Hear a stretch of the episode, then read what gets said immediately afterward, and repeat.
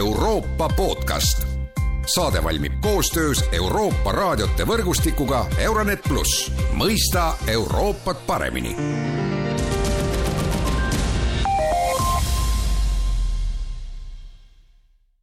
tere taas kuulama Euroopa podcasti. laupäeval teatas Venemaa president Vladimir Putin, et viib Valgevenesse taktikalised tuumarelvad. Selle otsuse põhjusi on tänases Euroopa podcastis selgitamas vastne Riigikogu liige, julgeolekuekspert Kalev Stoicescu, tere päevast! tere päevast, Erki, aga ma ei ole veel Riigikogu liige siiski antud hetkel, et ootame avaistungit ja vande andmise ja olgu siis, et ütleme siis, et vande andmist ootav Riigikogusse valitud liige. ja mina mm -hmm. olengi Erkki Paavski ja, ja alustame siis põhjusest, no ametlik põhjus paistab olevat siis selles, et, et Venemaa soovis taktikalise tuumarelva paigutamisega Valgevenesse anda vastuse siis brittide teatele, et nad tarnivad äh, Ukrainale uraaniga, vaesestatud uraaniga täidetud tankitõrjemürske. kas on nii? Mm, jah, tähendab, need äh, vaesestatud uraani kasutatakse selle keesta tugevdamiseks ehk siis mürsu tipu tugevdamiseks, et see läbiks ka öö, ütleme noh, niisuguse paksema soomuse, nagu on moodsamatel öö, tankidel, nii et selles mõttes, kui Challenger peaks tulistama, brittide tank Challenger, mida antakse Ukrainale, tulistama sellise mürsu, ütleme, Venemaa tanki pihta, siis ütleme sellest Vene tanki sisemusest ja me räägime moodsatest Vene tankidest, mitte äh, T-54-dest, siis ei jää suurt midagi järele, nii et selles mõttes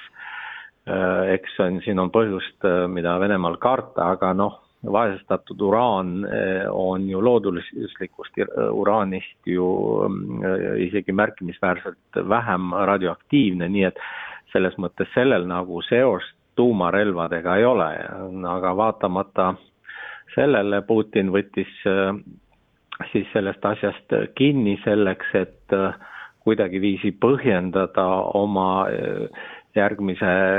noh, eskalatsioonile suunatud sammu, et sest ega mis Venemaal on muud noh, üle jääb, kui püüda leida noh, igasuguste nippide abil äh, selliseid pingeid üles kruvivaid samme ja, ja neid astuda, et äkki õnnestub veel kedagi läänes äh, sellega hirmutada no kas ta siis sinu arvates, äh, kas ta õnnestus siis kedagi hirmutada läänes, et lääne vastus on olnud ju suhteliselt rahulik ja kindel, ma ütleks seni, et mingisugust paanikat ei ole olnud märgata? ei olegi ja noh, ütleme NATO ja, ja iseäranis Ameerika Ühendriikide vastus oli selline tavapärane trafaretne, et nad mõistsid hukka Venemaa vastutustundetu poliitika ja, ja, ja oligi kõik ja noh, eks me oleme noh, omamoodi siin läänemaailmas muutunud immuunseks äh, nende tuumaähvarduste suhtes, mida me oleme kuulnud küll ja küll, ka Medvedjevi ja Kadõrovi ja ei tea kelle suust veel, nagu Venemaal oleks igal Tegelinskil oma tuumanupp umbes, et no selge on see, et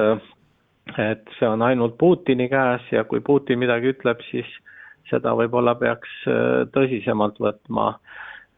Aga samas see ei üllata, et sest see on ilmselt noh, ammu küpsenud plaan viia taktikalised tuumarelvad Valgevenesse, Putin ju teatas, et juuli lõpuks või peaks valmima ka vastav hoidla seal Valgevenes, nii et aga noh, suures strateegilises plaanis noh, suurt midagi ei muuda, need, need taktikalised tuumarelvad on võib-olla ammuilma seal Kaliningradi oblastis olemas, nii et naa, nii et noh, see on niisugune poliitiline samm, millega Venemaa ühest küljest tahab Ähm, demonstreerida, et mäng, et ta, ta on, juhib seda mängu veel kuidagiviisi, aga noh, see on selge, eriti peale Hiina presidendi visiidi äh, Moskvasse, et, et äh, Venemaa on muutunud, muutub üha rohkem objektiks äh, subjekti asemel, et sest noh, ma võib-olla hüppan natuke kaugemale nüüd lihtsalt repliigi korras ütlen, et, et äh, see Hiina rahuplaan ja see visiit on noh, märk sellest, see rahuplaan ju tegelikult esitati Ameerika Ühendriikidele, mitte Venemaale ega Ukrainale. et see on võib-olla Hiina esimene katse sellises tõsises olukorras ähm, noh, vaadata, kombata, kuidas Ühendriigid reageerivad ja, ja et noh, nemad on need kaks maailma valitsejad edaspidi, et, et üritavad siis kuidagi seda asja lahendada nüüd. Et aga noh, Ameerika ju lükkas äh, selle Hiina jutumärkides rahuplaani ju kohe tagasi, nii et see on selline no-goer, ta ei, ta ei lenda, nii et äh, et äh, jah, nii et siis Venemaa püüab ühtlasi ka märgistada seda Valgevenet, ma arvan, selle sammuga, et see on meie oma, ehk siis nende oma, nende territoorium. et see näitab ka niisugust hirmu ja, ja paranoiat, et kui Ukraina libiseb ära ja, ja nad ei saa kätte Ukrainat, et vähemalt hoida kümne küünega siis Valgevenest kinni, et kui juba Vene tuumarelvad on seal, siis seda ei julge noh, et, et see enam ära ei lähe kuhugi nii-öelda, sest noh, eks siis Venemaa ju, Venemaale meenub ju see, et paar aastat tagasi või nii olid ju suured meeleavaldused seal ju ja palju tõsisemad kui Venemaal on toimunud Minskis ja mujal Valgevenes, nii et, et see noh, protesti potentsiaal on seal olemas ikkagi ja Valgevene on teatud mõttes läänemaailmale noh, palju lähemal ja ja, ja milleks riskida sellega, et see oleks täielik košmaar, kui Venemaa peaks Valgevenest ka veel ilma jääma. no tundubki, et Valgevenes edaspidi neid proteste on palju keerulisem teha, selles, selle mõttes, et, et Venemaa saab alati Lukašenkale Valgevene diktaatorile appi tulla väitega, et nad kaitsevad siis neid taktikalisi tuumarelvi. no täpselt, nii ongi, nii ongi ja, ja noh, nii et äh, ei maksa imestada, kui nad kunagi viivad, ma ei tea, tuumarelvi kuhugi kaugemale Kesk-Aasiasse, et ära hoida Hiina ekspansiooni või, või Armeeniasse koguni ja nii edasi, nii et see on noh, selline väga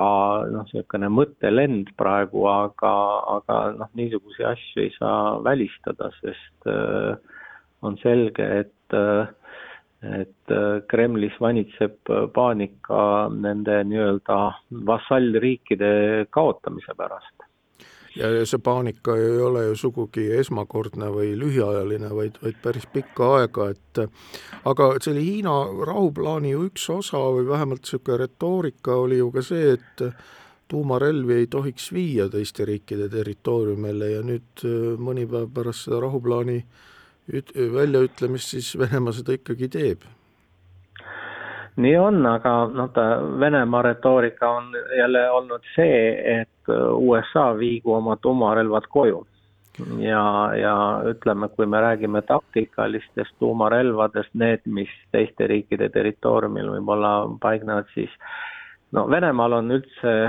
USA hinnangul umbes kaks tuhat äh, taktikalist tuumalõhkepead ja võib-olla USA poolel on võib-olla kümme korda vähem, ütleme, noh, need arvud ei ole nii väga indikatiivsed ja võib-olla nii super olulised, aga aga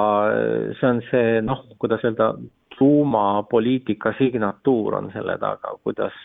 kommunikeeritakse kogu seda tuumapoliitikat. Ja see on selge, et see on Venemaa tööriistakastis, on, on see kõige olulisem vahend praegu et, et nagu selle tuumaeskalatsiooniga mängida veel nii palju kui võimalik, sest ega neil seal sõjatandril Ukrainas äh, ei ole suurt lootust midagi saavutada. ja seda, seda tuumaähvarduste retoorikaga nad mängivad kuni, kuni lõpuni, ma arvan nojah, sa juba mainisid seda, aga ma tulen korra selle teema juurde tagasi, jutt on siis sellest, et pärast Hiina presidendi Xi Jinpingi visiiti Moskvasse rääkis rahvusvaheline meedia ja avalikkus väga palju ju sellest, et Venemaa on muutumas Hiina vasallriigist, vasallriigiks ja nüüd on siis tõesti Venemaa näitamas seda nii-öelda oma iseseisvat poliitikat ja no nagu sa ütlesid, väga palju muud Venemaal ei olegi üle jäänud, et see tuumariigi, eks, olemine või see tuumariigi staatus on siis see, mida siis Venemaa saab veel nii-öelda iseseisva kaardina välja käia? no nii on ja, ja noh, selles mõttes äh, see, kuidas äh, Moskva ja Pekingi suhted tulevikus arenevad, noh, eks, eks me näe seda, me ei tea, aga aga äh, Hiina ju vajab tugevat partnerit kelles oleks äh, abi ka poliitiliselt, sõjaliselt ja nii juhul, kui Hiina tahab ennast ja, ja ta tahab ju ennast globaalselt kehtestada, ta tahab tegelikult nii-öelda Taiwan'i küsimust lahendada, nagu ta seda nimetab. Äh, nii et, äh, et Hiinale ei ole kasulik selline Venemaa, kellel, kes on noh, üha nõrgem ja kellel on käsi sirakil ja, ja ke, kes nagu nõuab abi rohkem, ehk siis äh, tahab rohkem saada, kui ta on suuteline vastu äh, andma, olgugi et ta müüb loomulikult äh üha rohkem gaasi, naftat ja nii edasi Hiinale ja, ja teiselt poolt on jällegi see, et kuhu maale see kõik jõuab, sest kui aasta alguses äh, moodustas äh, või langes Hiina arvele umbes kolmkümmend äh, protsenti Venemaa ekspordist ja nelikümmend protsenti Venemaa impordist, need, see on, see on ju väga suur osakaal ja see pigem kasvab lähitulevikus, võib-olla varsti on need numbrid nelikümmend protsenti ja viiskümmend protsenti vastavalt, et